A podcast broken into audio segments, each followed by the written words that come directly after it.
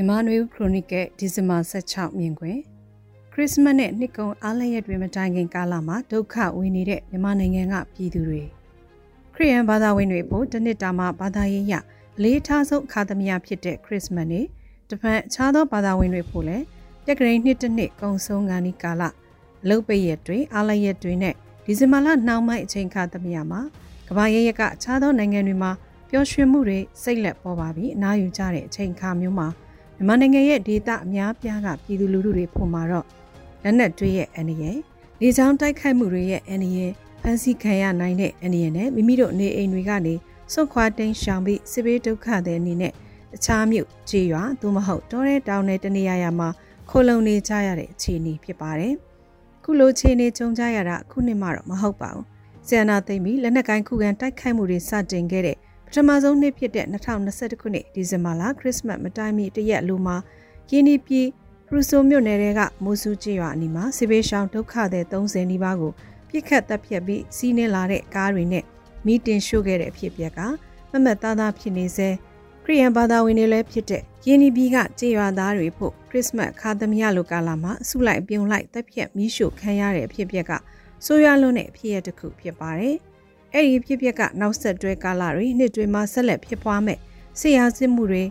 စစ်ပွဲရဲ့ဆိုးရွားတဲ့အကျိုးဆက်တွေကိုပနာမလှဟပြလိုက်တဲ့အဖြစ်ပျက်တစ်ခုလိုတော့ဆိုနိုင်ပါတယ်။တပတ်2021ခုနှစ်ဒီဇင်ဘာလလယ်မှာပဲကရင်ပြည်နယ်မြောက်ရီမြို့အနီးကငင်းချမ်းရင်မြို့အနေနဲ့တိဆောက်ထားတဲ့လေးကီကိုကိုစစ်ကောင်စီဘက်ကစတင်ဝင်ရောက်ခါ NLD လွတ်တော်ကိုယ်စားလှယ်အပါအဝင်အချို့ကိုဖမ်းဆီးရာကတိုက်ပွဲစတင်ဖြစ်ပွားခဲ့တဲ့အဖြစ်ပြက်လည်းဖြစ်ပွားခဲ့တာဖြစ်ပါတယ်။ 2021ခုနှစ်ကနေအခု2023ခုနှစ်အထိခုလိုနှစ်ကုန်ကန်ဒီခရစ်စမတ်ခါသမယညောင်ကုံဆုံးလို့နှစ်တစ်ကိုကျူးစိုးကြမဲ့အခါသမယတွေမှာစစ်ဘေးရှောင်နေရသူတွေစစ်ဘေးကြောင့်အသက်ဆုံးရှုံးကြရသူတွေနေတွေမီးလောင်ပျက်စီးဆုံးရှုံးကြရသူတွေနဲ့ပြည့်နှက်နေခဲ့တဲ့ကာလတွေဖြစ်ပါတယ်2023ခုနှစ်မှာတော့ရှမ်းမြောက်ချင်းပြည်နယ်ကရင်ပြည်နယ်ကရင်ပြည်ဂိုးတိုင်းကဒေသအချို့တို့မှာစစ်ဘေးရှောင်ရသူတွေဒုက္ခပင်လယ်ဝေးတဲ့ကာလတွေဖြစ်နေတာပါ။ လက်တလောရက်ပိုင်းမှာမူဆက်နမ်ခန့်နမ်ဆန်အစရှိတဲ့ပလောင်ဒေသတွေမှာပလောင်လူမျိုးရေးလက်နက်ကိုင်တပ်တွေကစစ်ကောင်စီထိန်းချုပ်ထားတဲ့မြို့တွေစစ်ချေကုတ်စခန်းတွေကိုသိမ်းယူဖို့အပြင်းထန်တိုက်ခိုက်နေတာဖြစ်ပြီး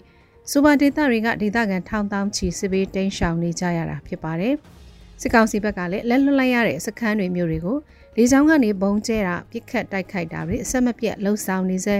အချို့ဒေသတွေမှာ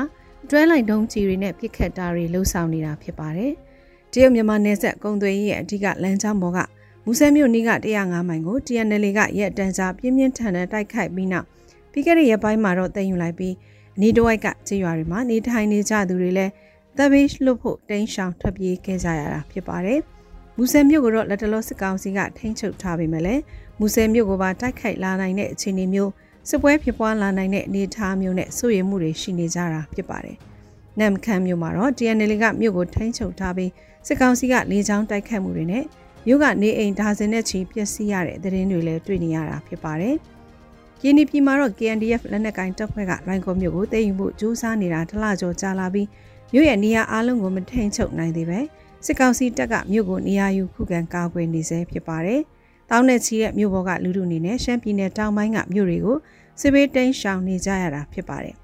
လိုက်ကော်မြို့ကစစ်ဘေးရှောင်တွေအနေနဲ့စီဆိုင်ပင်လောင်တောင်ကြီးအစရှိတဲ့နေတွေကိုပြီးခဲ့တဲ့သတင်းပတ်နေငယ်တွင်းကစစ်ဘေးတိမ်းရှောင်ခဲ့ကြပြီးချို့သောဒေသတွေမှာနေကန်တွေအနေနဲ့စစ်ဘေးရှောင်တွေကိုလက်မခံနိုင်တဲ့အနေအထားလက်မခံခြင်းနဲ့အနေအထားတွေလည်းရှိနေတယ်လို့စစ်ဘေးရှောင်တချို့ကပြောဆိုပါတယ်။ကီနီဘီကစစ်ဘေးရှောင်လာသူတွေနဲ့နေကန်တွေကြားကိုယ်ပွင့်ရဘာသာမတူကွဲပြားတာလူမျိုးမတူကွဲပြားတာတွေကအကြောင်းချက်လဲဖြစ်ကောင်းဖြစ်နိုင်ပါတယ်။